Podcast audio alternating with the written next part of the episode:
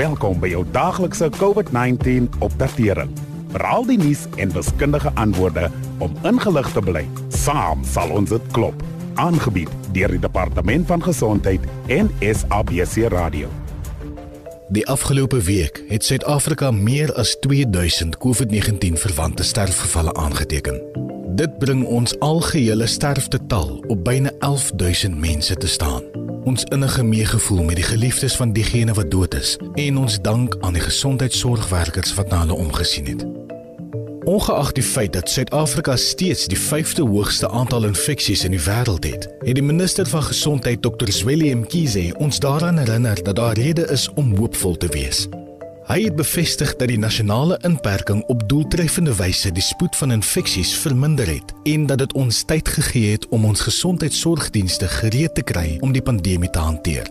Die afgelope 10 dae het die getal mense wat herstel het ook aanhou groei, terwyl die daaglikse infeksiekoers nou gedaal het tot op vlakke wat ons in die middel van Junie laas gesien het. Maar met duisende mense wat steeds elke week as gevolg van die virus sterf, hoe weet ons dat die inperking gewerk het en wanneer kan ons verwag dat dit beëindig sal word? Vandag herinner ons gas ons aan hoekom ons met 'n nasionale inperking begin het en help hulle om sin te maak van die daaglikse getalle sodat ons kan verstaan wat ons bereik het. 2 maande gelede het president Cyril Ramaphosa geslagsgebaseerde geweld as Suid-Afrika se tweede pandemie beskryf. In môre se insetsel gaan ons met 'n paar van die land se manlike rolmodelle gesels oor hoe mans 'n meer aktiewe rol in die stryd teen die probleem kan speel.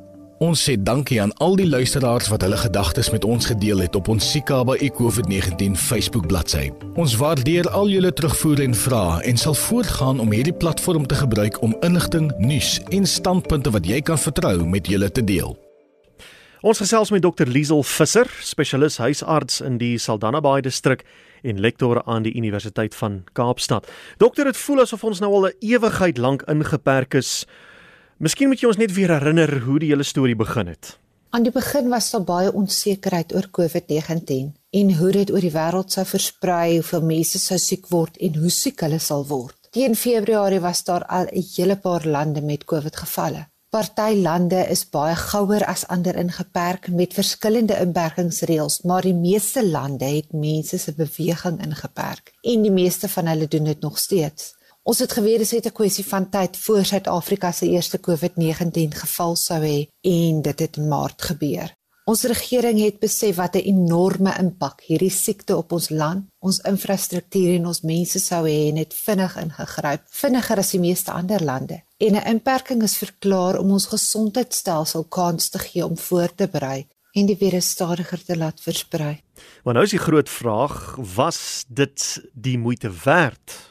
Ons sal hierdie vraag eers retrospektief kan beantwoord wanneer ons behoorlik kan sien wat die impak daarvan was, want daar verskillende goed om teenoor mekaar op te weeg. Die inperking het en maak steeds die lewe geweldig moeilik en ons betaal 'n reuse ekonomiese en maatskaplike prys. Dis moeilik om jou in te dink, maar sonder 'n inperking sou duisende meer mense sekerlik al gesterf het en kon ons gesondheidstelsel dalk ineengestort het. Deur die virus stadiger te laat versprei, het ons tyd gehad om meer te leer oor hoe om die virus te behandel, wat ook beteken dat minder mense daaraan gesterf het. Suid-Afrika het een van die laagste COVID-19 sterftesyfers ter wêreld. Minder as 2 uit elke 100 mense wat die virus gekry het, is daarvan dood.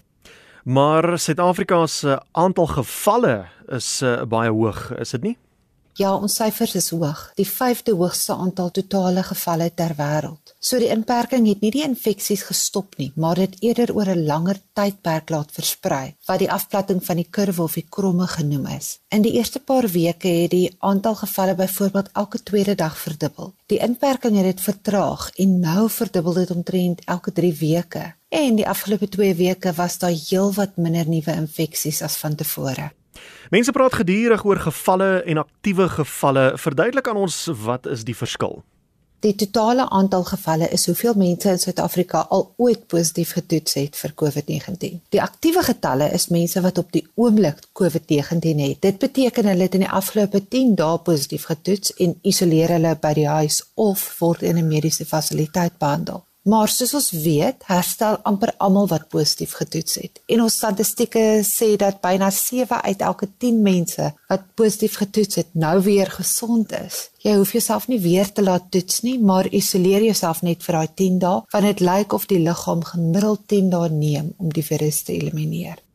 Hoekom het ons nog al hierdie beperkings, veral as ons syfers dan beter begine lyk?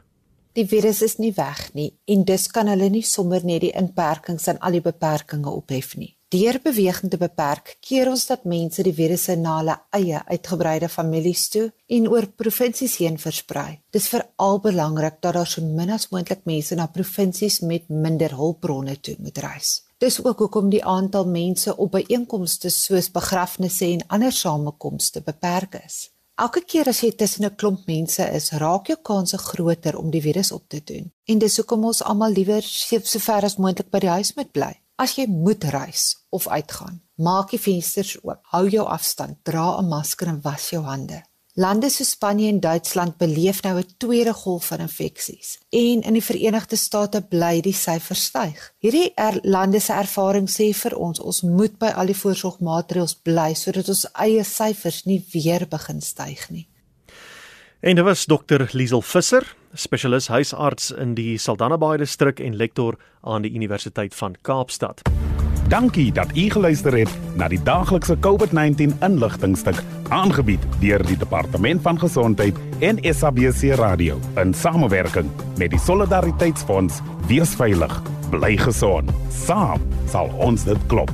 Suid-Afrika.